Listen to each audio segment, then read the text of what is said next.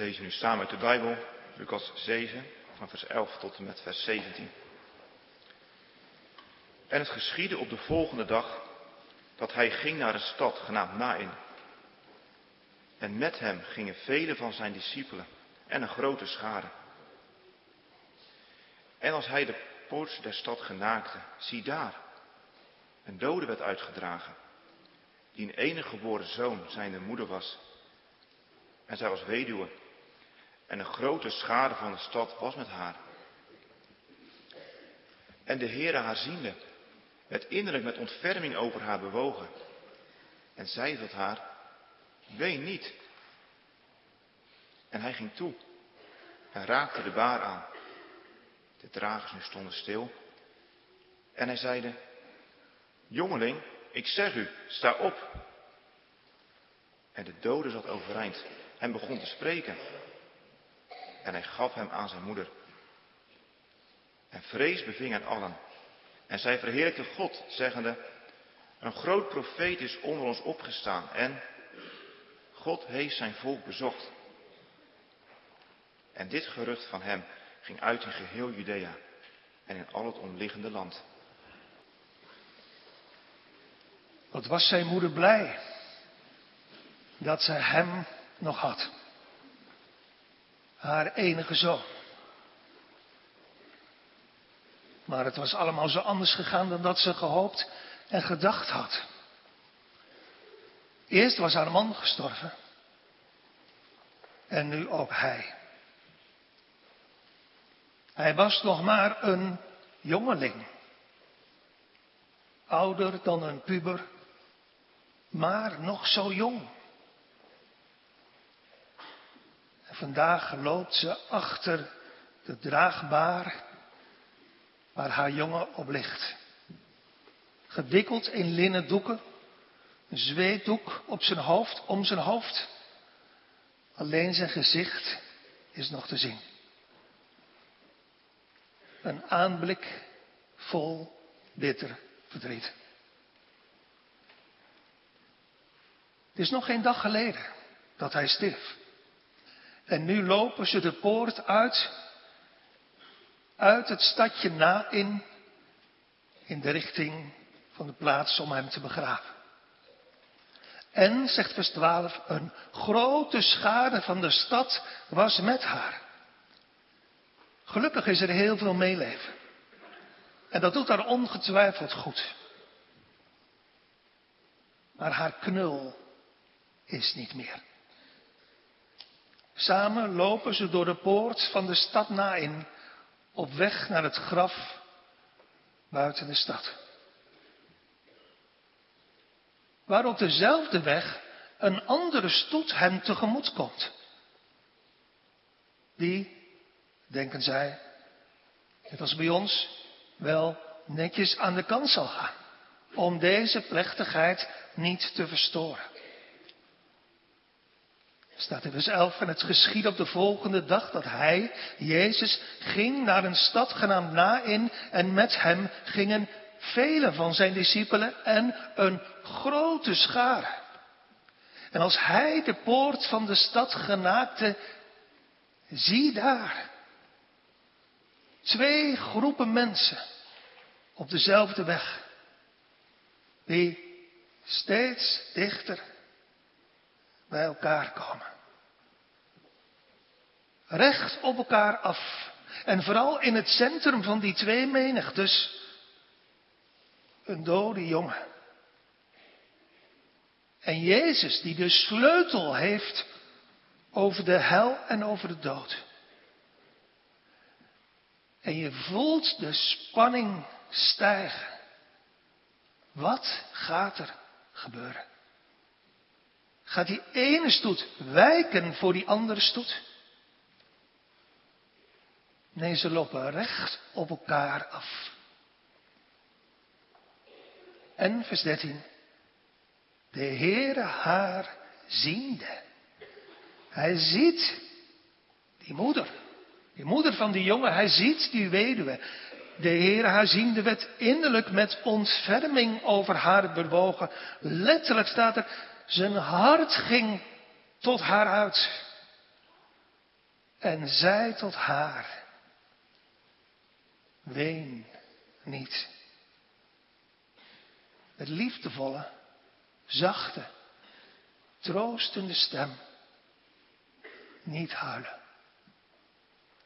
En verder niets. Maar de ontferming in zijn ogen droogt haar tranen. En dat mag ook wel tot troost zijn van de rouwdragende familie onder ons. En van heel veel anderen die in het verleden geliefden door de dood hen zagen ontvallen.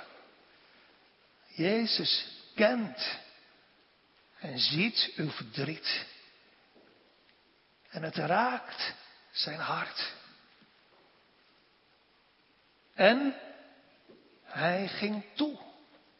Hij komt dichter en dichterbij. Kijk mee in gedachten.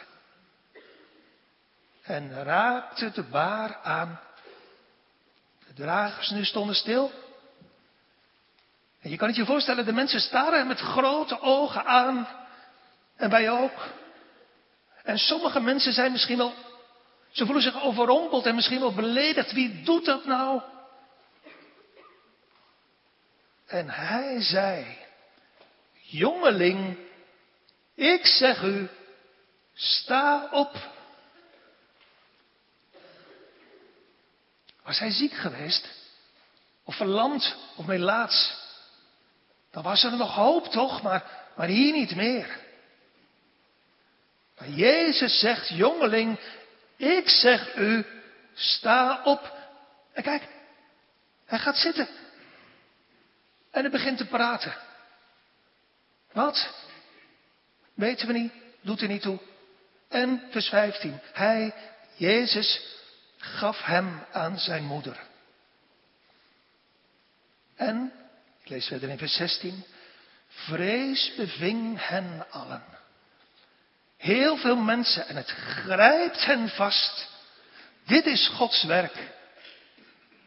En ze verheerlijken God zeggende, een groot profeet is onder ons opgestaan en God heeft zijn volk bezocht.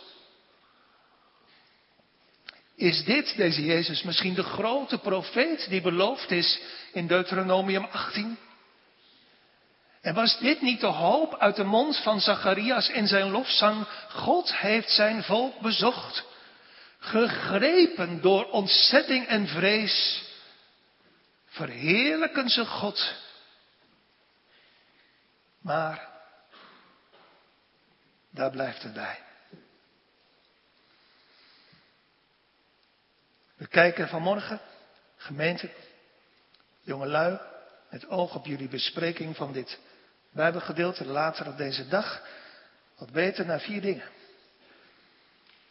Naar de situatie van deze jongen, naar zijn verdrietige moeder, naar een almachtige Jezus en naar die geschokte menigte.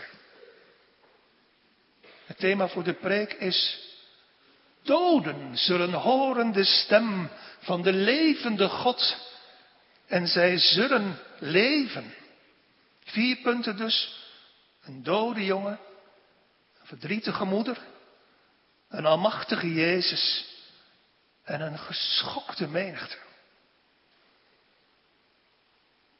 Als eerste dus een dode jongen. Want dat is wat je ziet. En voelt als je in gedachten meeloopt met die stoet. En je kijkt in gedachten naar die draagbaar. Een knul, een jonge man, die gisteren nog leefde. De, de trots van zijn moeder. Zijn roze lippen, zijn heldere ogen, zijn stevige lichaamsbouw, knap als hij misschien was. Daar is niets van over. Dan alleen nog dat bleke, vale gezicht.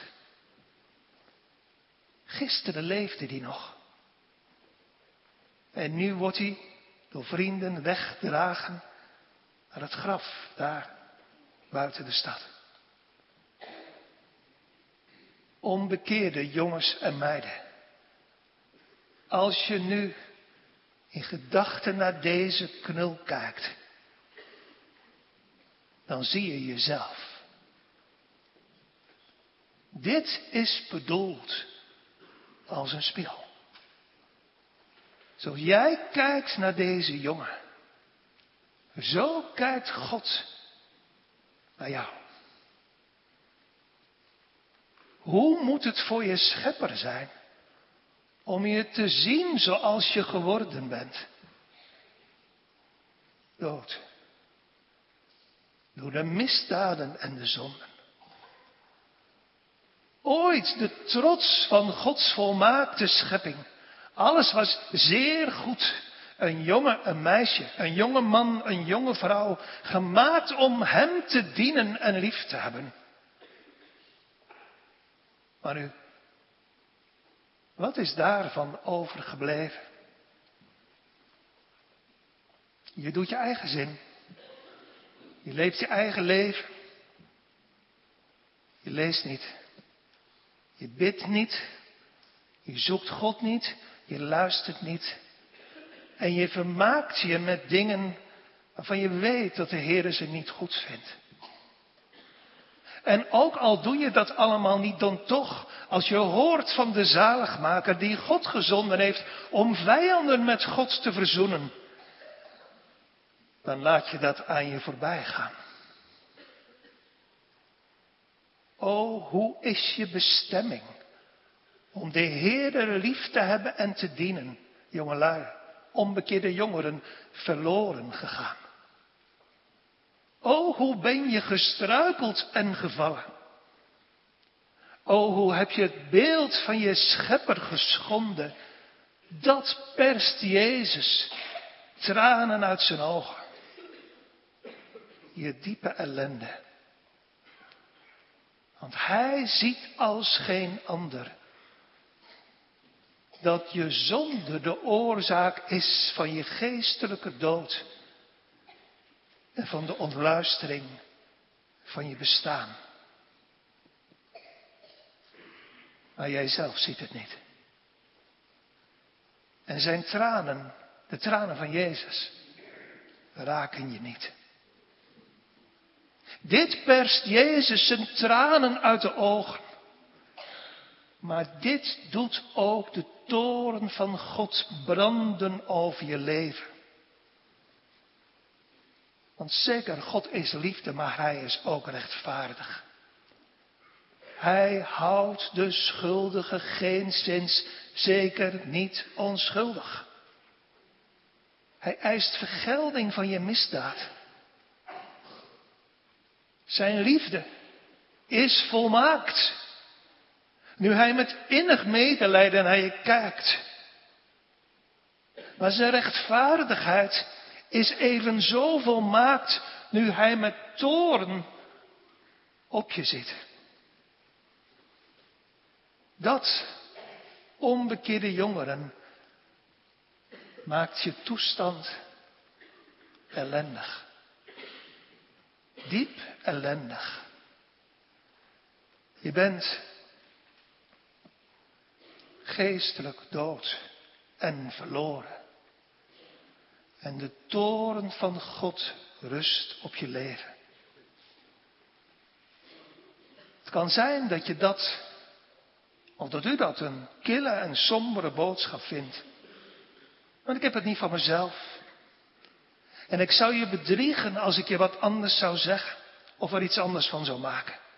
De Bijbel zegt het en laat het zien en dus is het zo. En niet anders. Onbekeerde jongeren, lieve mensen, je bent ellendig en verloren. En je bent op weg naar de eeuwigheid. Tweede punt, een verdrietige moeder. Er zijn maar weinig tranen, dat weet u, dat weet ik ook, die, die je zo erg kunnen raken als de tranen van je moeder. Maar dat zie je hier in deze stoet niet meer. En misschien Is dat bij jou ook wel zo?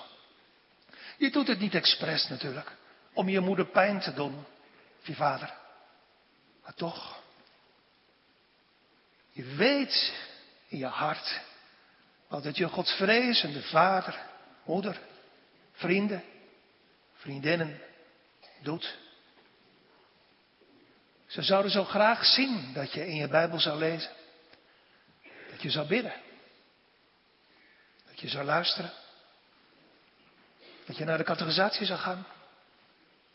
Maar ze merken, ze voelen je weerstand die steeds groter wordt. Nee, natuurlijk niet. Het zal nooit tot een breuk tussen jullie als mensen komen, want je houdt zielsveel van elkaar.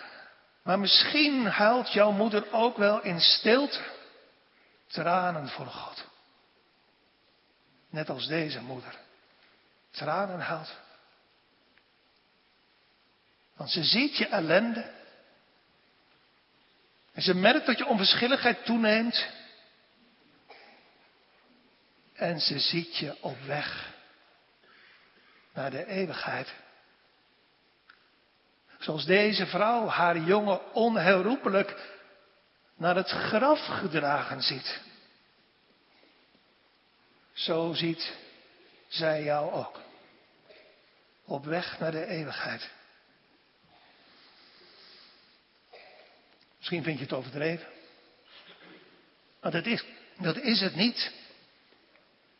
Als vader, als moeder, als vrienden, als vriendinnen, als ouderlingen, als diaken, als dominee, gun je je jongeren het beste wat er is. En dat is, jongens en meiden, de dienst van de Heer. Het leven met God. Wat geeft dat veel rust in je hart, veel vrede, veel blijdschap, veel hoop en verwachting in je leven, hoe het ook gaat. Als je van jongs af aan mag leven met God. Dat heb je allemaal niet als je je eigen leven leidt zonder God. Zonder God, zegt de Bijbel, heb je geen vrede in je hart. Dan blijft je hart, zegt Augustinus, onrustig. Je kan je drie keer in de ronde werken om plezier te hebben. Maar je weet het, het is gebakken lucht. En je kunt je uiterste best doen om te genieten van wat je hebt. Maar het is een, een glinsterende zeepbel die vroeg of laat open spat en verdwenen zal zijn. Het liefhebben en dienen van de Heer zou je zoveel vrede brengen. En trouwens, je zou ook zelf, jongelui, zoveel kunnen betekenen voor de dienst van de Heer als je al je krachten en giften en talenten zou gebruiken voor God. En voor de mensen en voor de jongelui om je heen. Je zou zoveel voor andere jongeren kunnen betekenen. In de kerk, op je opleiding, op school. Net zoals deze jongen zoveel had kunnen betekenen voor zijn moeder. Als, als haar steun en toeverlaat bij het ouder worden. Als haar mantelzorger bij toenemende gebrek. Om haar naam en familiebezit in Israël te bewaren. Ze hadden samen nog zoveel kunnen praten over de goede dienst van de God van Israël. Maar nu niet meer. Kan die jongen toch niks aan doen? Nee, klopt. Maar ik en jij wel. Want onze geestelijke dood en vijandschap is eigen keus. Met grote consequenties voor nu en met grote consequenties voor straks.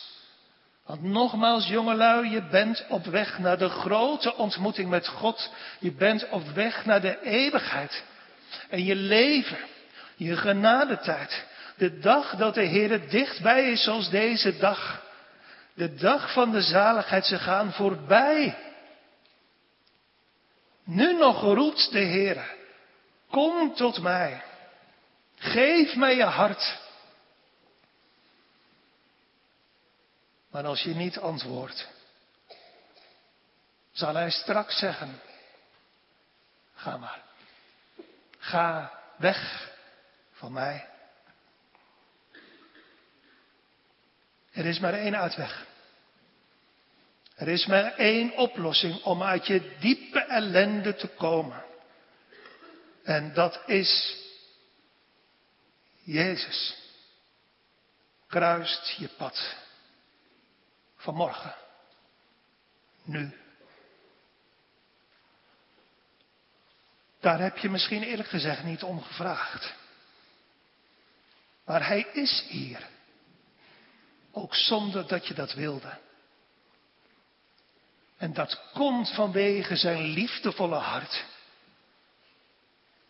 O, als je hem zou kennen, zou je hem niet negeren en zou je hem niet afwijzen. Hij blokkeert uit liefde je weg. Kijkt met het oog van medelijden naar je moeder. Raakt je draagbaar aan. Opent zijn mond en spreekt. De Almachtige spreekt. En doden die zijn stem zullen horen, zullen leven. Ons derde aandachtspunt, een almachtige Jezus. Jezus kruist het pad van deze jongen en van zijn moeder. Daar hebben ze alle twee niet om gevraagd. Zoals jij daar vanmorgen misschien ook wel niet om gevraagd hebt. Maar dat houdt hem niet tegen. Hij is hier. Hij staat voor je.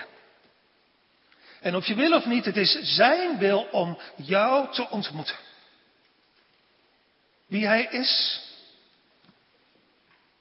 Jezus, de Zoon van God, die mens wilde worden. Die de heerlijkheid van de hemel der hemelen wilde verruilen voor de bitterheid van deze aarde.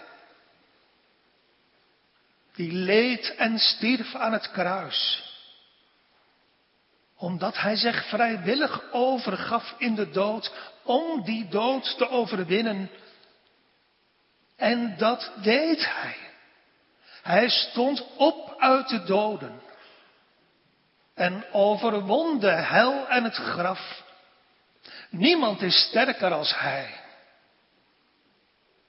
Als hij die nu vanmorgen voor je staat en zegt, zie, hier ben ik. Hij staat voor hem, voor die jongen die hier op zijn draagbaar ligt, midden in zijn dood. Ziet, hier ben ik. En hij staat voor jou, midden in je geestelijke dood. Zie, hier ben ik. Of je vrienden met je verder willen lopen of niet, het doet er niet toe. Zie, hier ben ik. En in één oogopslag ziet hij het verdriet van zijn moeder. En in één oogopslag ziet hij het verdriet van jouw moeder. In één oogopslag ziet hij de ellende van deze jongen. En in één oogopslag ziet hij jouw ellende. En het raakt zijn hart. De dragers staan stil. Moeder staat stil. En houdt met die menigte van mensen de adem in. Zoals jouw moeder misschien nu ook wel haar adem inhoudt. Want, want als God vanmorgen gaat spreken, dan iedereen staat stil. En het is stil op de vingerwijzing van de Almachtige God. Ook nu. Hij ging toe en raakte, staat er, de baar aan. En de dragers nu stonden stil. Hij neemt de onreinheid van deze jongen als middelaar, als zaligmaker op zich, terwijl hij zelf rein blijft. Stil. Want dan ineens wordt de stilte doorbroken. En hij zeide, jongeling, ik zeg u, sta op. Wie is de dood? Wie is die vijand die ieder mens neersabelt? Ik zeg u. Want ik heb de sleutels van de dood en van het graf. Sta op. Wonderlijk bevel, toch? Want ziet die jongen Jezus en, en hoort hij de stem van Jezus? Zie jij iets? Hoor jij iets? Doden kunnen toch niet zien en, en niet horen? Opstaan, dat is een bevel voor levenden, toch? Bekeer je en geloof het evangelie, dat is een bevel voor geestelijk levende, bekeerde mensen, toch?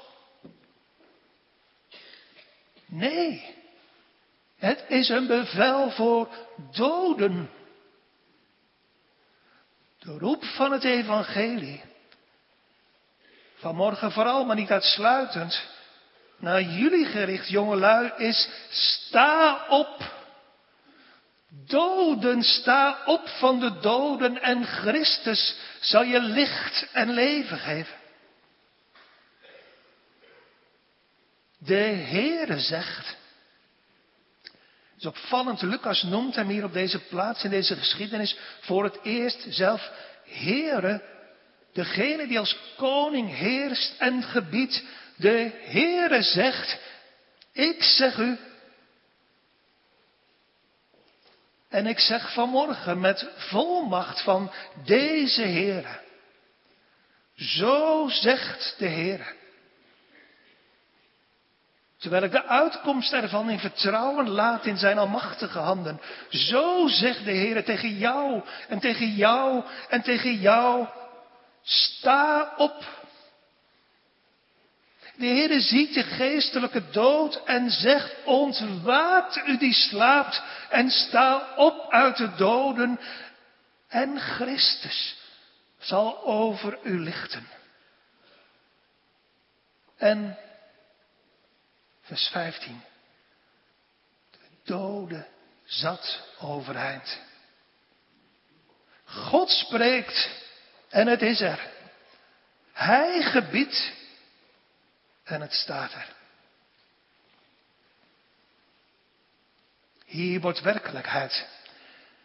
Wat Ezekiel ooit profeteerde in Ezekiel 37. Maar de Heer de profeet Ezekiel in de geest, in een gezicht, in een visioen plaatst. Midden in een vallei, in een grote vallei, vol beenderen. Hij ziet geen enkel teken van leven. Alleen maar, heel naar uitzicht, alleen maar botten van skeletten. Maar ondanks dat hopeloze uitzicht, zegt de Heer tegen Ezekiel, profeteer over deze beenderen en zeg tot dezelfde, gij dorre beenderen, hoor des Heeren woord. Alzo, zo zegt de Heere Heere, tot deze beenderen. Ziet, ik zal de geest in u brengen en u zult levend worden. En u zult weten dat ik de Heer ben. Dat wat Ezekiel toen zag in dat visioen, zie je hier jongelui in het echt. Dode jonge man hoor des Heeren woord. Ik zal, zegt de Heer, de geest, ik zal leven in u brengen. En u zult levend worden. En je zult weten dat ik de Heere ben. Ik zeg u, sta op. Dat is de werkelijkheid, gemeente. Van wat ook hier in de kerk gebeurt. Daarom is het spreken van de Heer in de verkondiging van het evangelie onvervangbaar. Wij spreken als dienaars des woords, als medezondaars, met volmacht op het bevel van Christus. Doden, sta op. Bekeer u en geloof het evangelie. En zegt Calvijn, God brengt in zijn woord een verborgen kracht die dode zielen binnendringt. En hen tot leven wekt. Dat gebeurt hier. Door het spreken van de Heer. Door de preek. Daarom, jongelui, geldt ons allemaal, moet je hier zijn. Wat God hier doet is onvervangbaar. Dit is niet inwisselbaar voor iets anders, wat, wat even goed zou werken. Hier spreekt God met macht. En als hij spreekt, dan worden zijn woorden werkelijkheid. Dan wordt zijn woord daad. Want, zegt vers 15, en de dode zat overeind en begon te spreken. En hij gaf hem aan zijn moeder. Zo zal het ook zijn. Als God vanmorgen tegen jou of tegen jou of tegen jou zegt, sta op. Dan zal je leven. Dan zal je Hem zien, Christus. Naar wie je eerlijk gezegd nooit hebt gevraagd. Dan zal je grote nood zien op weg naar het graf. Dan zal je gaan roepen om genade. Maar dan zal ook voor het eerst je dode hart gaan kloppen van liefde en warmte voor Hem die je dat leven gaf. Je ogen zullen Hem, zullen Jezus zien, die je uit zo groot gevaar heeft verlost. En dat zal je hart volmaken met verwondering en verbazing en, en ootmoed en nederigheid. Dan zal, als je ogen opengaan, een nieuwe wereld voor je opengaan. Geen wereld waarin jij als wonderkind centraal zult staan. Maar een wereld waarin God centraal zal staan. De wereld van zijn goede dienst. Van een leven dicht bij Hem. Het leven dicht bij deze Bijbel, bij het woord en bij gebed. Een leven van Hem meer en meer leren kennen. En van diepe voor hem buigen. Een leven van Hem alle eer geven voor Zijn goedheid, Zijn almacht en Zijn genade. Je zult Hem, die je van dood levend maakte, stapsgewijs meer en meer leren kennen. Als de grote profeet, die door God gestuurd is naar deze wereld, om je de weg tot de zaligheid te leren. Als de grote hoge priester, die gekomen is om zonde en schuld af te wassen en de prijs daarvan te betalen, om zo te voldoen aan, het eis, aan de eis van het goddelijke recht. Je zult hem stapsgewijs meer leren kennen als koning, die Heere en Meester wil zijn in je leven. En waar je hart vol van komt, zal je mond van overlopen. Je zult gaan spreken, net als de mensen op de Pinksterdag deden, van de grote werken Gods. Daar kijken we naar uit, jongelui. Dat er meer onder jullie komen die, die goede dingen gaan zeggen.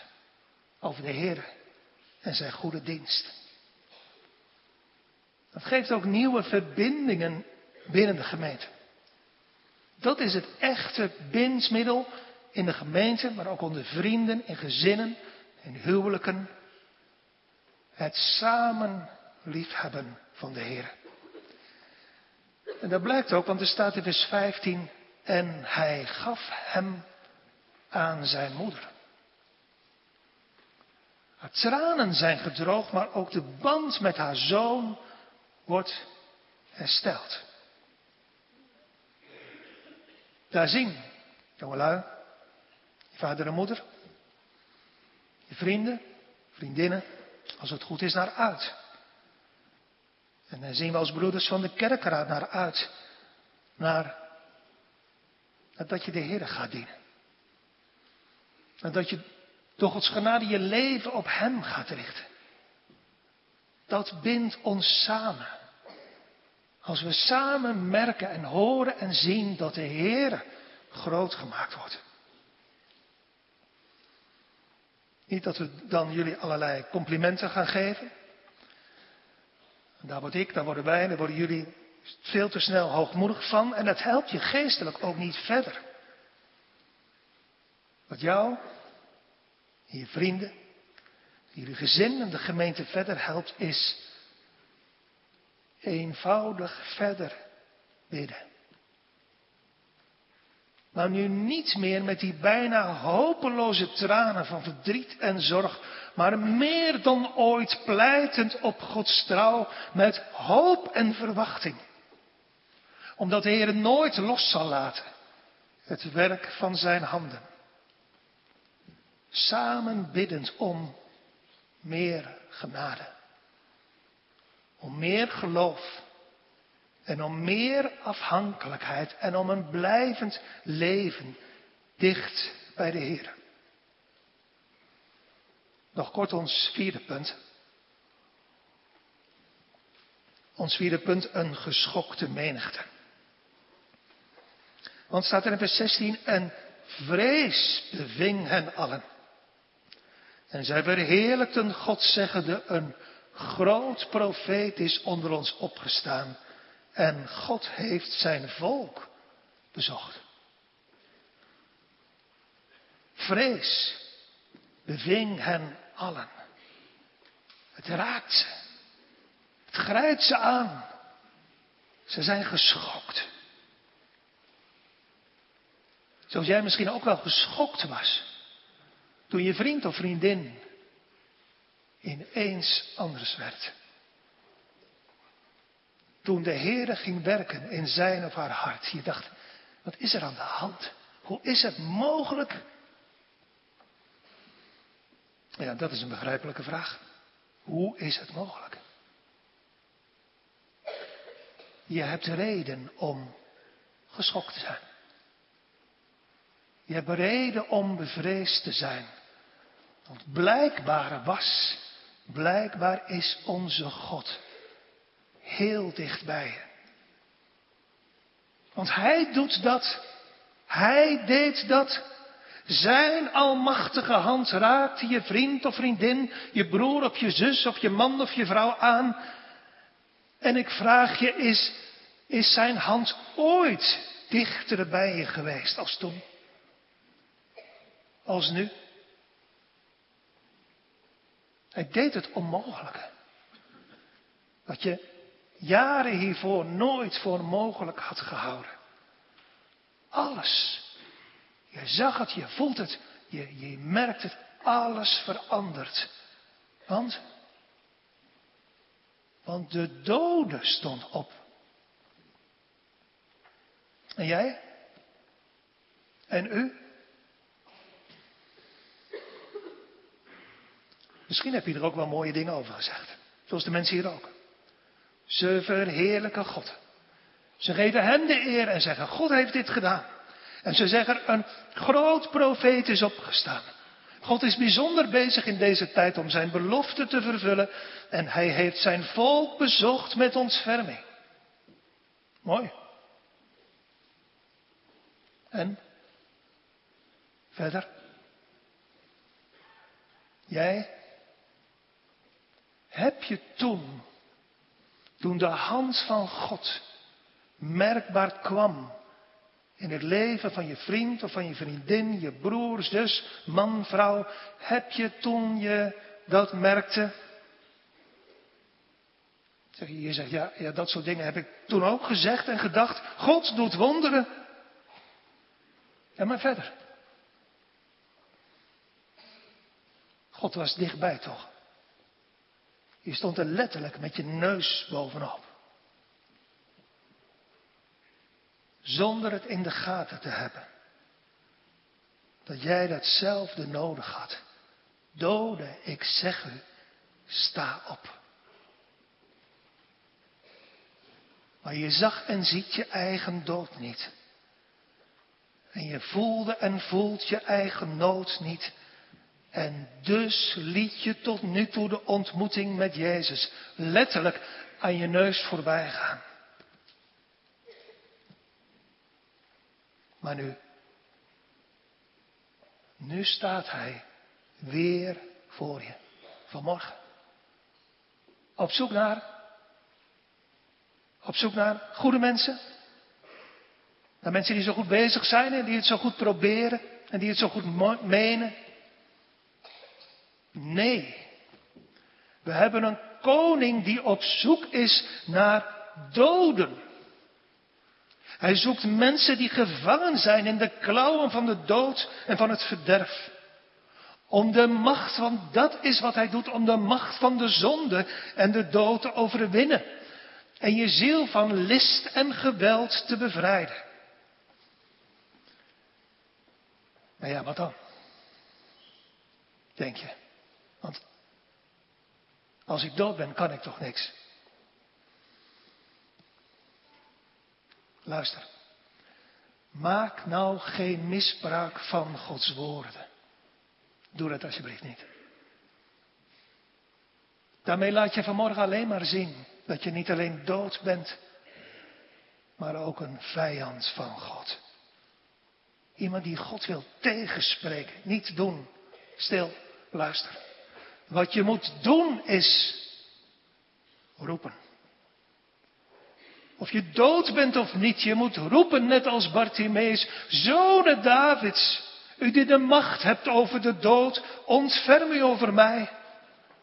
En je moet vragen of je nu geestelijk dood bent of niet, wat de Romeinse hoofdman hiervoor vroeg.